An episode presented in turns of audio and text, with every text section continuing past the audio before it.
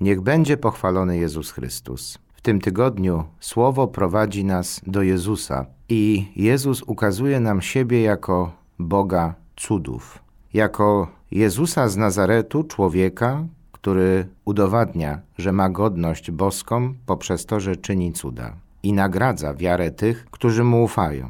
Już w samej Ewangelii poniedziałkowej przychodzą do Jezusa i mówią: Zasługuje, abyś mu to uczynił. Miłuje bowiem nasz naród i sam zbudował nam synagogę. Mowa o tym, że właśnie setnika sługa, który był przez niego bardzo ceniony, zachorował i był bliski śmierci. I setnik rzeczywiście odznacza się niezwykłą wiarą, bo mówi, że nie zasługuje na to, żeby Jezus przyszedł do niego do domu. Ale tak jak on ma swoich podwładnych, tak samo i Jezus, według wiary setnika, ma moc, aby uzdrowić na odległość. Nie musi czynić żadnych magicznych znaków, nie musi niczego pokazywać, nie musi być to owiane jakąś aurą tajemniczości, ale jest to po prostu moc boska, która wypływa z Jezusa. Bóg cudów. Jezus, który udowadnia swoją godność mesjańską poprzez to, że nie tylko zaradza problemom ludzi, których spotyka na drodze swojego nauczania, uwalnia ich od chorób, ale także uwalnia od znacznie gorszego niebezpieczeństwa niż zagłada ciała. Chodzi o zagładę duszy. A zatem przyprowadzają do niego również wszystkich tych, którzy są opętani, którzy potrzebują uwolnienia od złych duchów. Jezus również przekracza granice życia i śmierci. Nie ma tutaj dla niego żadnej bariery. Nie płacz. Gdy Pan Jezus ją zobaczył, ulitował się nad nią i powiedział: Nie płacz. A wynoszono właśnie zmarłego, syna matki. I wtedy następuje wskrzeszenie. Jezus jest zwycięzcą śmierci. Zwróćmy uwagę na to, że zwykliśmy mówić o tym, że Jezus zwyciężył szatana, grzech i śmierć, składając siebie Bogu w ofierze na drzewie krzyża.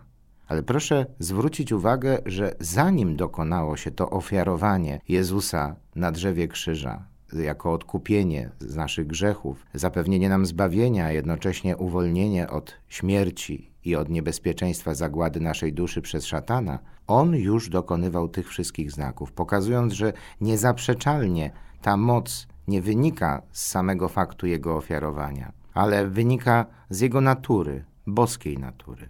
A po to, aby człowiek poznał miłość Pana Boga, żeby mógł dotknąć się tej miłości, która przyjęła ludzkie ciało i która przechadzała się drogami naszego życia, tak bardzo udręczonymi niejednokrotnie, dokonuje się ofiara krzyżowa, która podsumowuje, jak gdyby, tą całą działalność Jezusa Chrystusa.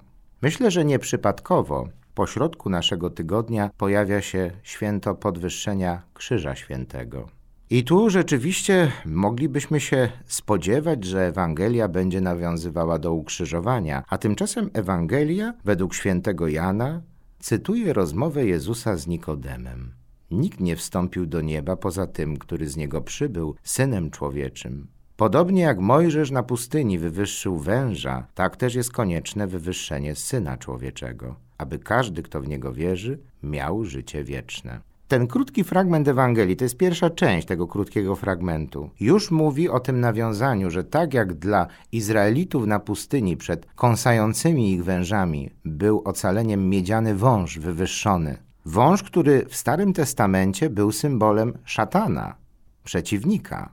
Jakżeż zatem Jezus mógł porównać się do szatana i mówić, że on podobnie musi być wywyższony? Otóż nie porównywał się tutaj do szatana, porównywał się tutaj do grzechu.